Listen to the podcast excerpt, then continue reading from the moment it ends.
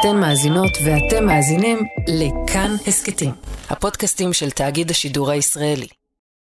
יכול להיות שהפרק הבא לא מתאים להאזנה עם ילדים וילדות, או אולי דורש תיווך. ויש לנו אורחת באולפן, ריקי גל, שהוציאה לא מכבר את התקליט הראשון שלה. אנחנו נפתח באחד השירים מתוך התקליט, ילד אסור, ילד מותר, המילים של יעקב גלעד, הלחן של מתי כספי. בואו נראה. ריקי גל. התחיל מהפתיח ומיד הגיע הלחן, זאת אומרת, התחלתי לנגן פעם, פעמיים, ופתאום הלחן יצא עם זה. זו הזדהות עם uh, כל הילדים, הנטושים, האבודים. כל השיר שאני אי פעם כתבתי, זה כנראה אני, ואני כן יודע ביוגרפית שחלקים מסוימים וברורים בילד הזה שנמצא בשיר הזה, זה אני. ויש הרבה ילדים כאלה שהם uh, סוג של ילדים חורגים לאלוהים, או סוג של ילדים שאלוהים לא ריחם עליהם.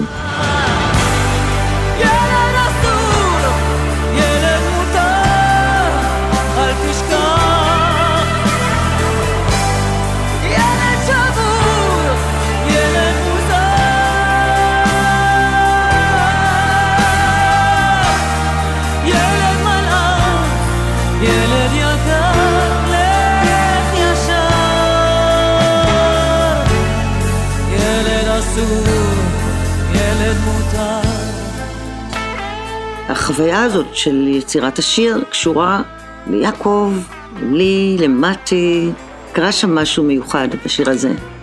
היי, אתם ואתן על שיר אחד, אני מאיה קוסובר, והפעם הסיפור של ילד אסור, ילד מותר.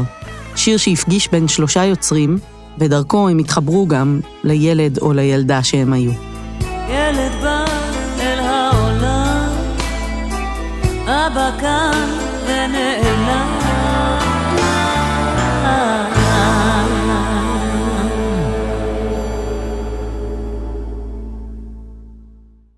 הסיפור הזה מתחיל ברגע שבו ריק יגאל ומתי כספי נפגשו.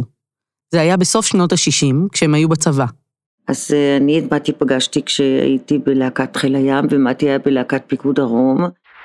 שתי הלהקות נפגשו במקרה באבורדס, בסיני. אני מת לראות אותה הלילה, אני מת מרוב געגוע. הם סיימו את ההופעה שלהם והיו צריכים לחזור, ואנחנו רק הגענו כדי להופיע למחרת. הלהקות הצבאיות היו מופיעות אז בין המעוזים, לפני החיילים שחזרו מקרבות או סיורים. ושם בעצם ראיתי את מתי יושב על רצפה עם גיטרה ומנגן לו בשעת לילה. והוא כל כך ריתק אותי, הדמות שלו והנגינה שלו. הוא היה כל כך שונה, הוא היה כל כך אחר. ואני בדיוק כאלה מחפשת. ריקי התיישבה לידו והקשיבה לו מנגן. בבוקר שלמחרת הם טיילו יחד במחנה הצבאי במדבר. וכמעט בלי מילים התיידדנו, מאוד.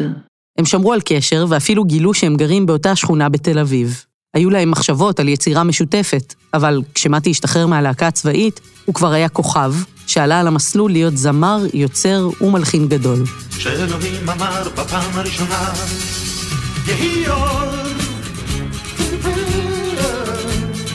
הוא התכוון שלא יהיה לו חשוב. הבנתי שהוא בונה את הקריירה שלו, וידעתי שאני אצטרך לחכות, ו... וחיכיתי. בשנים שחלפו ריקי השתתפה בתוכניות לילדים בטלוויזיה. שיחקה בתיאטרון, היו לה שני להיטים ברדיו שנוצרו כמעט במקרה. אחד היה שיר הנושא של ההצגה בני בום.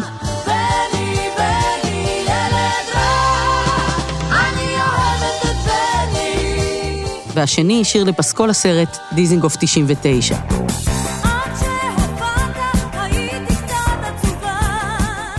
אבל השירים האלה לא סללו לה את הדרך לאלבום שהיא כל כך רצתה. היא אמרה למטי שהיא מוכנה להשתתף בכל פרויקט שלו, לעשות קולות בשירים של אחרים, אני אבוא לאולפן אה, לכל דבר שתצטרך אותי. עד שנעשה משהו שהוא רק שלנו. ריקי ניסתה לפנות בעצמה למפיקים וחברות תקליטים, אבל לא ממש האמינו בה, והיא קיבלה סירוב אחרי סירוב. תארי לך איזה מטען עצום מצטבר בי, שכל החברים שלי סביבי אומרים לי, אוי, את מבוזבזת, את מבוזבזת, ואני אומרת להם, חכו, יהיה בסדר, הכל יבוא בזמן, חכו. בינתיים, מתי כספי הפך לאחד היוצרים הפורים והמשפיעים במוזיקה הישראלית של שנות ה-70. נוח,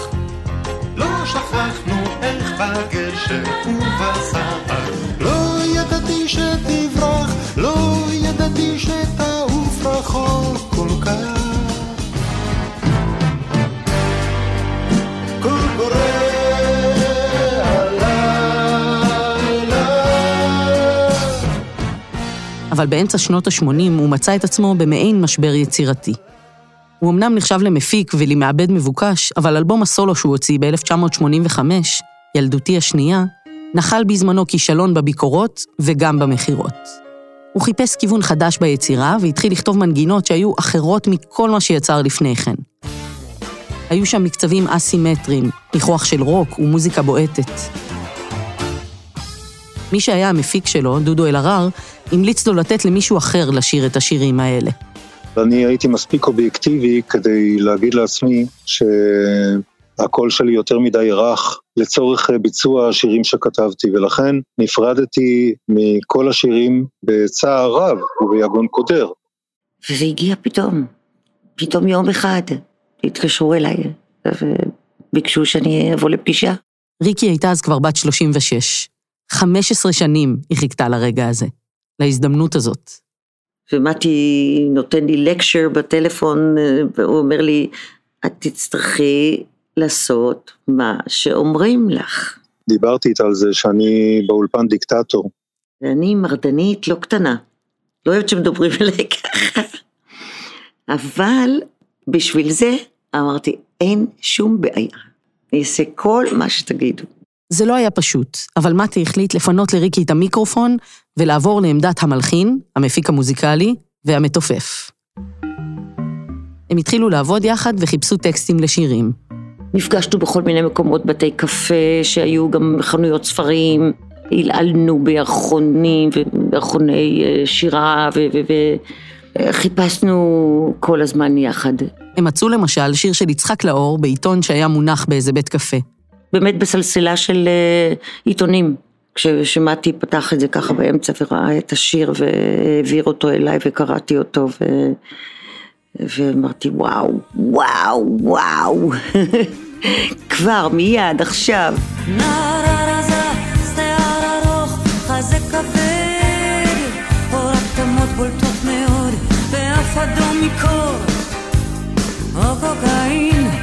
וככה נוצר השיר נערת הרוק. עם להקת הרוק, ברחוב ליד הפארק, חורף עוד מעט.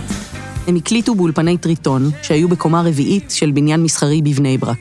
ריח הסיגריות התערבב עם הריחות שעלו מהמאפייה בקומת הכניסה. ובפנים, בתוך האולפן, הם עשו ניסיונות חדשים של שירה והפקה מוזיקלית. אי אפשר לתאר את האנרגיה שהייתה ואת רמת התשוקה ליצירה הזאת הייתה כל כך גבוהה. אני ידעתי מה הפוטנציאל האדיר שיש בה, וכשהיא ניגשה לשיר איזשהו שיר, היא הייתה כמו הברבור שלפני שהוא נופח את נשמתו הוא מוציא את כל מה שיש לו, את כל הנפש. אני פשוט הכיתי את כל 15 השנים שחיכיתי לו. ואני רציתי שהיא תהיה יותר מאופקת. ואחד הרגעים הקסומים ביותר שקרו לי עם מתי, זה שבאחת ההפסקות שלנו באולפן יצאנו החוצה לקחת אוויר, ומתי עמד לידי ושנינו שתקנו, וכעבור כמה זמן מתי מסתכל עליי ואומר לי, ריקי, אני אספר לך איזו זמרת את? אני לעצמי נולדתי באולפן הזה. הם עבדו ימים ולילות. מתי איבד והפיק את כל השירים. הגענו כמעט לסוף האלבום, זאת אומרת, את רוב השירים כבר הקלטנו, ונשארה לנו מנגינה שמתי כתב, ושלא מצאנו לה טקסט. ואני זוכרת שבדיוק סיימתי להקליט את נערת הרוק, ואז מתי יצא מן האולפן, ופגש במסדרונות של האולפנים שם את אה, יעקב גלעד. שלום, אני יעקב גלעד, כותב שירים, יועץ אמנותי, מפיק מוזיקלי, איש תוכן. יעקב כבר כתב שירים גדולים לגידי גוב, אריק סיני, יהודית רביץ. והוא היה גם המפיק המוזיקלי של להקת בנזין.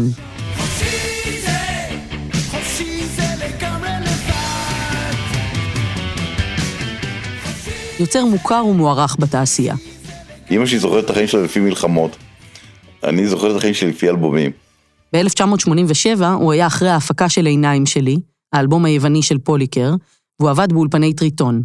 אז זהו, אז פגשתי שם את מתי במסדרונות, והוא קרא לי רגע לשמוע הקלטות שהוא עושה עם אה, ריקי.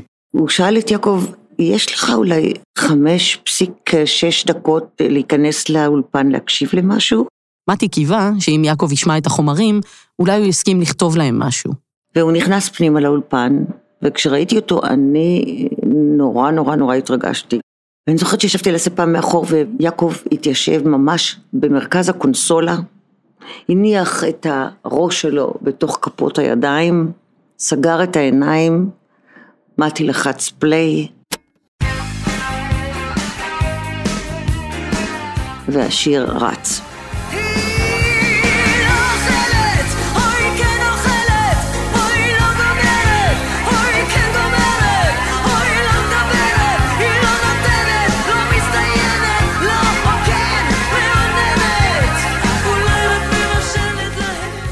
ואני נמעכתי. לא האמנתי למה שאני שומע, זה היה מדהים בעיניי, ואני באמת באמת באמת עפתי. כי מתי לפני זה לא עשה כזה רוק, הוא עשה את האלבומים של מתי שאני מאוד אהבתי, אבל הוא לא עשה כזאת מוזיקה עם כאלה שפיצים. פתאום שמעתי מוזיקה נושכת, דוקרת, חזקה, חוספסת.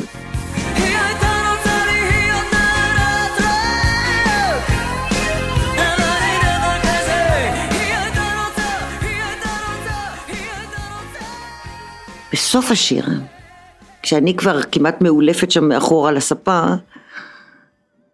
הייתה דממה. ואז יעקב, אני לא אשכח את זה בחיים, פשוט זעק. החולמניוקי של שירה. לא האמנתי שיש זמרת ישראלית ששרה בצורה הזאת. הכי רוק שיש. וזה היה נהדר בעיניי, זה מושלם. מתי סיפר לו שיש עוד שיר אחד שנשאר להם כדי לסיים את האלבום. מנגינה יתומה ממילים. והוא שאל את יעקב אם הוא מסכים לנסות לכתוב. ואמרתי, כן, בטח שאני מסכים לכתוב. הוא נתן לי את הקסטה והלכתי עם זה הביתה. ושם, בדירה שלו, ברחוב רבנו תם בתל אביב, יעקב התיישב ליד שולחן הכתיבה, הכניס את הקלטת שמתי נתן לו לטייפ, לחץ פליי, ומיד נזרק לילדות שלו. משפחה שגרה בבית מבודד על גבעה קטנה בהרצליה, בין הכביש לשדות מול הים. אימא שלו, הלינה בירנבאום, היא סופרת וניצולת שואה. את חיים, אבא שלו, שלחם ברוסיה ואיבד את כל משפחתו, היא הכירה בשומר הצעיר. הקשר ביניהם נרקם והתחזק על ספינת המעפילים בדרך לישראל. כשיעקב נולד, הם היו זוג צעיר ששרד את הזוועות. גדלנו עם משפחה, האמת, אה, עם כל הרקע הקשה של השואה, אה, אימא שלי אישה מאוד מצחיקה. היא יודעת לספר סיפור ולהשכיב את כל מי ששומע, היא באמת יודעת להצחיק ולעשות חיקויים. מאוד אוהבת אה, אומנויות, ואבא שלי גם. ושניהם ממש הקדישו לי ולאחי המון שעות של מוזיקה סביב הפטיפון, והסברים על מה השירים, על מה הם מדברים. המנגינה הזאת של מתי שאבה את יעקב אל אותה ילדות נשכחת. אבל הוא שמע בה גם משהו אחר.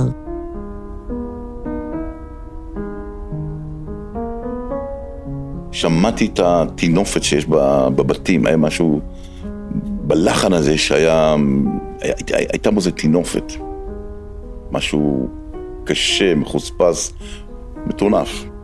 עלו והתעוררו בו זיכרונות קשים. הוא חזר לנער שהוא היה בגיל 13, ולמשבר שחווה עם עצמו ועם ההורים שלו.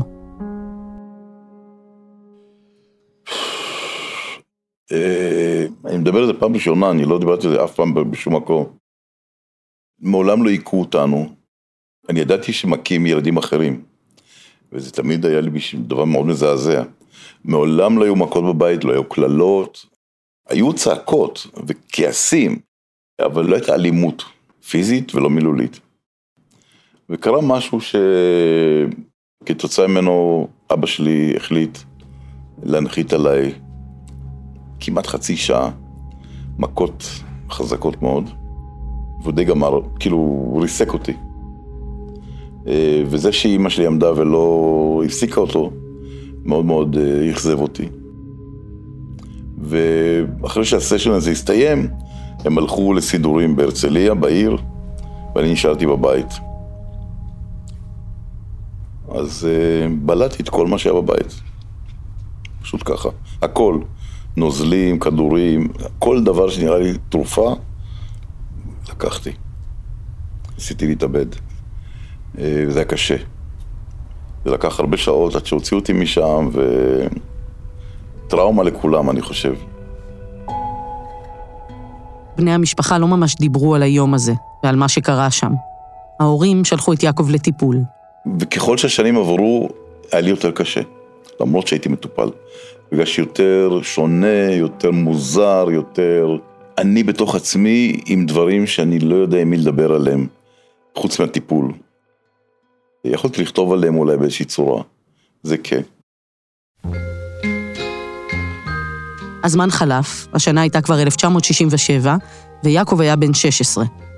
המשברים שהוא חווה הובילו לזה שהוא נשאר כיתה ועבר ללמוד בבית ספר גאולה, בתל אביב. והיה לי חבר בכיתה שהוא כבר היה תל אביבי, והוא הכיר את תל אביב, והוא הכיר את כל מיני בנות שישבו בכסית, הוא הכיר את חזי לסקלי, זה התחיל להיות מעניין יותר ואחר. זה היה המפגש הראשון שלו עם העיר הגדולה. ולצד הסקרנות וההתלהבות, היה גם קושי להכיר את הצד האחר של תל אביב. שהוא הרבה פחות תמים, מהרבה בחינות. גילויים ראשונים של אה, חשיש, גילויים ראשונים של סקס, לא ידעתי עוד להגדיר את עצמי, אבל ידעתי שאני נמשך גם לבנים וגם לבנות, אבל זו הייתה תקופה מאוד מבלבלת ומאוד מדכאת, כי זה גם מפחיד. ובתקופה ההיא, התדמית של אה, חיים של אנשים חד מיניים הייתה מאוד מאוד שלילית.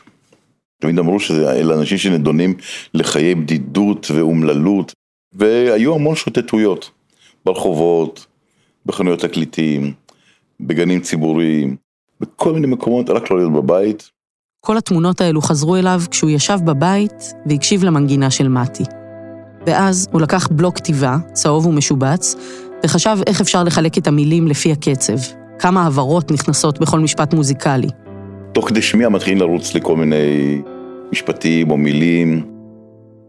אחר כך אני כבר לא צריך את הקסטה, זה כבר מתנגן לי בתוך הראש. והמילים פשוט פרצו מתוכו החוצה. ילד בא אל העולם, אבא קם ונעלם, אמא פה ואמא שם. הוא ניסה להתאבד, מה כבר יש לו לפחד, כאן ברחוב הכי בודד. ילד אסור, ילד מותר, אל תשכח, ילד שבור, ילד מוזר. ילד מלאך, ילד יקר, ילך ישר. ילד אסור, ילד מותר. זמן גוסס, שעות מתות, בין חומות מתמוטטות. הוא חובש את השריטות, ריח שתן, רוח ים, בר נטוש ומיותם. כאן בחוץ, הבית חם. בן חורג לאלוהים, פרח בר של החיים, לא נראה ואין רואים, מתקפל בתוך בועה ונרגע לפי שעה. כאן בעיר הכי רעה. למחרת הוא כבר הגיע עם הטקסט של ילד אסור, ילד מותר. ריקי קראה את השיר, ומה שקרה ליעקב עם המנגינה קרה לה עם המילים. החיבור נוצר מיד. טראח. רק בשתי המילים האלה, ילד אסור, ילד מותר, יש uh, כל כך הרבה משמעויות, ואתה יכול להתחבר אליהם אם אתה משתייך לאותה קבוצה של אנשים שמרגישים שהם ילדים אסורים. מתי את מבינה בחוויה הרגשית את המשמעות הזאת של להיות ילדה אסורה או מותרת? מההתחלה. אני חייתי בבית uh, קשה, אלים, מאוד אלים. ראיתי אלימות, הרבה, וגם חטפתי בעצמי, בלי סוף. כשהיא הייתה בת שנתיים, הוציאו אותה מהבית. היא התגלגלה בין מוסדות לאימא שלה, למנזר, בין בית צעירות מזרחי לקיבוץ. זה מיד מסדר אותך במקום הזה. מכניס אותך לנישה הזאת של, טוב, אני כבר לא אהוב, אני לא רצוי, אני אסור. תרתי משמע. ילד אסור זה, זה ילד נו נו, וגם ילד אסור שהוא כמו אסיר. וילד מותר זה גם מותר לך, וגם ילד מותר זה דמו מותר. זה היה הרגע שבו האומנות פגשה את החיים בצורה חדה ומדויקת. כל אמן מביע את מה שמקנן בו, ועיצב את אישיותו במשך כל ימי חייו. שלושה אנשים, כל אחד עם הסיפור שלו, מיד ידענו שיש חיבור בין הסיפורים. ואחר כך גם אהבתי את השפה שיעקב כתב בה את השיר. מאוד פחדתי. איך יגיבו, מה יגיבו, כי שם הלכתי על מילים, אה, ריח שתן, אה, איך זה שמה? ריח שתן רוח ים. כן. אה, לא ידעתי איך זה, אם זה יעבור בשלום. אם הוא לא היה שומע את נערת הרוק, אני לא חושבת שהוא היה הולך לאותו כיוון ויכול לכתוב את זה ככה. אמרתי, יש מצב שאם שר את נערת הרוק, עם המילים ששם יש, שיהיה לה אומץ גם לשיר את זה. ושמעתי, יסכים גם לזה. קיוויתי שאני מתרגם נכון את המנגינה, עם כל המורעלות שיש בה. הוא זיהה נכון לגמרי, ולדעתי הוא גם היה מזהה נכון לגמרי אם הוא היה כותב על נושא אחר, שבו הוא היה מעביר איזשהו כאב. הם נכנסו לאולפן והקליטו את השיר. מתי ניגן על כל הכלים, איבד, הפיק וגם חתך והדביק בזהירות את הסלילים. רק לסולו אחד של נגינה הוא הביא את הגיטריסט חיים רומנו.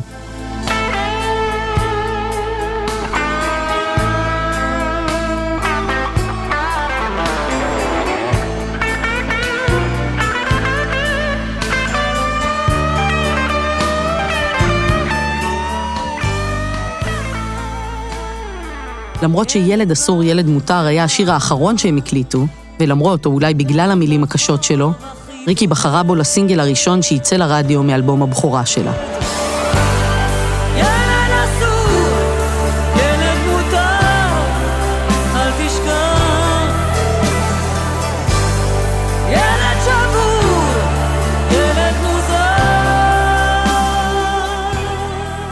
השנה הייתה 1987. שלום רב לכם, ערב טוב. לאורחת שלנו היה כדאי, וגם לנו, לחכות את כל השנים האלה, עד שהיא פתאום הופיעה לנו, אחרי שכבר הכרנו אותה קודם לכן, בדמות שלמה, מרתקת ומורכבת של זמרת רוק תיאטרלי, הייתי אומר. ערב טוב לריקי גל, טוב. מה שלומך? שיר יצא, והעירו אותי מוקדם בבוקר ואמרו לי, תרדי למטה לקנות עיתון. ואני יורדת ואני רואה, לוקחת את העיתון הביתה, והכותרת הייתה, כשגל זועקת, החומות נופלות.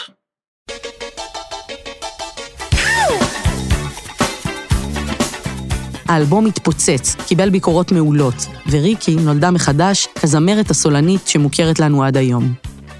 אבל הסיפור לא נגמר כאן. שנה אחר כך, מתי וריקי הוציאו עוד אלבום משותף. מה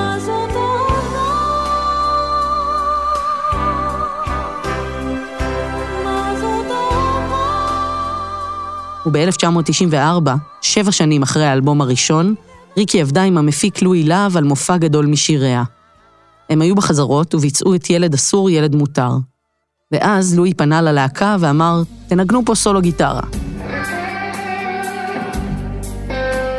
ולי הוא זרק, טוב, יש לך פה עכשיו דקה חצי, שתיים, משהו, ספרי סיפור. ואני הסתכלתי סביבי, לא היה לי סיפור, וזה בשלוף יצא ממני, פתאום, ברגע הזה, בלי להתכונן, התעורר בריקי זיכרון קשה מאוד מהילדות שלה. ובסיפור הייתי בת חמש. אמי באה לקחת אותי לטיול ממוסד הילדים בצעירות מזרחי בירושלים. זה היה יום שבת ואני לבשתי שמלה לבנה ואימא אמרה שהולכים לבקר את הדוד עם היונים. צעדנו לנו ככה באמצע הכביש, לאימא נשבר העקב בנעל. ואז ראיתי שתי ילדות יושבות על חלון ומתפוצצות מצחוק. הגענו אל הדוד, והוא לקח אותי לראות את היונים. הוא הניח אותי על סולם ברזל שמוביל אל הגג. אני טיפסתי למעלה והוא טיפס מתחתיי. הגעתי לשלב האחרון ונעמדתי. פתאום הרגשתי שתי אצבעות מתחילות לשחק לי בתוך התחתונים. אני לא זוכרת שראיתי יונים, רק ברזלים.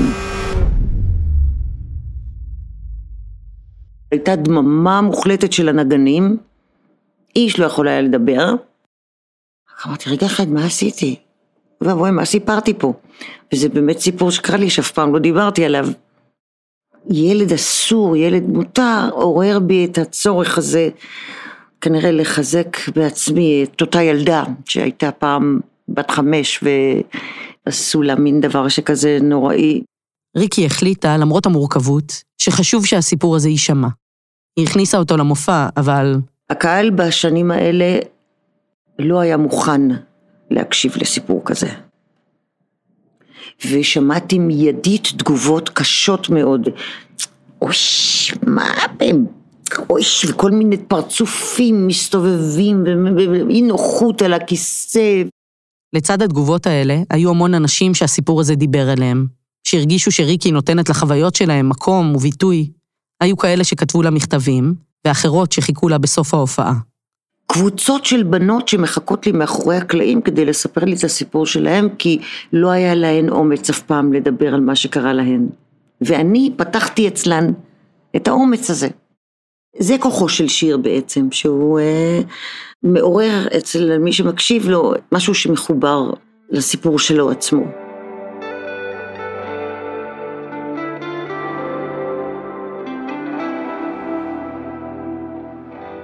כל שיר שבעצם אה, אנשים אחרים מכירים אותו ומתחברים אליו, זה נורא מרגש, זה תמיד מרגש. כי ברגע שהם יוצאים החוצה הם כבר לא שלך, הם שירים של, של אחרים, הם מתחברים לסיפורים שלהם. וכשאתה פוגש את האנשים לפעמים, והם יודעים שאתה זה שכתב את השיר הזה או הזה או הזה, מחזירים לך את החוויה שלהם, להיות בהופעה שלמה ולראות קהל שלם אה, יושב ושר את השיר הזה או את הפזמון שלו, וזה מאוד מרגש. החיים של שלושה יוצרים נפגשו והתמזגו בשיר הזה. כמו איזו מין גחלת שעברה מיד ליד. מהיד של מתי, שניגנה על הפסנתר, ליד עם העט של יעקב, שזיהתה כאב בלחן ונתנה לו מילים. ומשם ליד של ריקי, שאחזה את המיקרופון בשירה זועקת, והעבירה את הגחלת בצורת שיר גם לקהל, שמצא בו אמת ונחמה.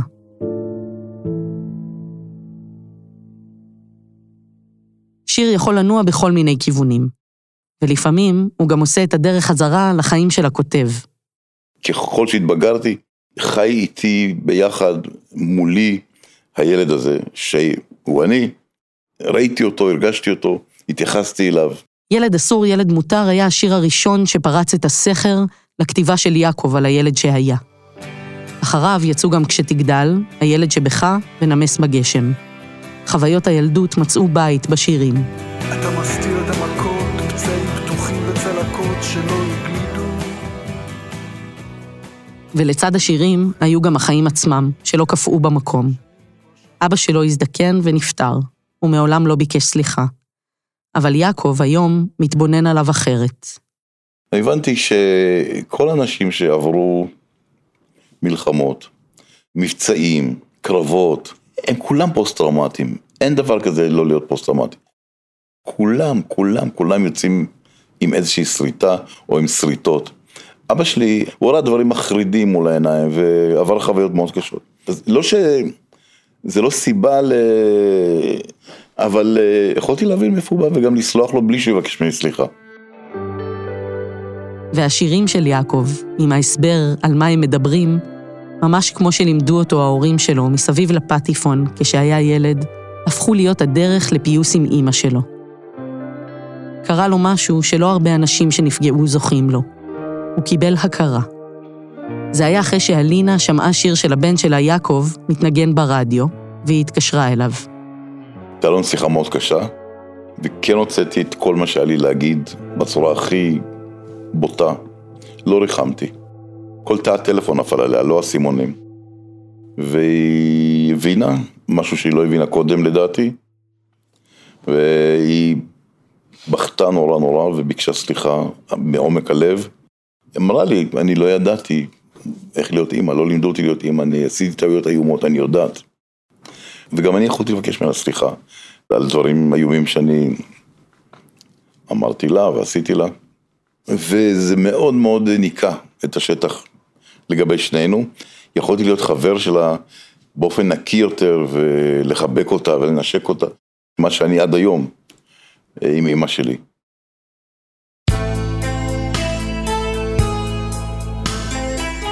האזנתם והאזנתן לשיר אחד. אני מאיה קוסובר והפקתי את הפרק הזה יחד עם ניר גורלי. תודה לאסף רפפורט על עיצוב הסאונד והמיקס, תודה למור סיוון על הפקת הקטעים המוזיקליים, ותודה לנועם פלג ותומר פאור על התמלולים. בצוות שיר אחד, אייל שינדלר ותומר מולביטזון. פרקים נוספים אפשר למצוא בכל אפליקציות הפודקאסטים ובאתר כאן. מוזמנות ומוזמנים להצטרף לקבוצת כאן הסכתים בפייסבוק. תודה על ההאזנה, ניפגש בפרקים הבאים. ילד בא אל העולם, אבא קם ונעלם, אמא פה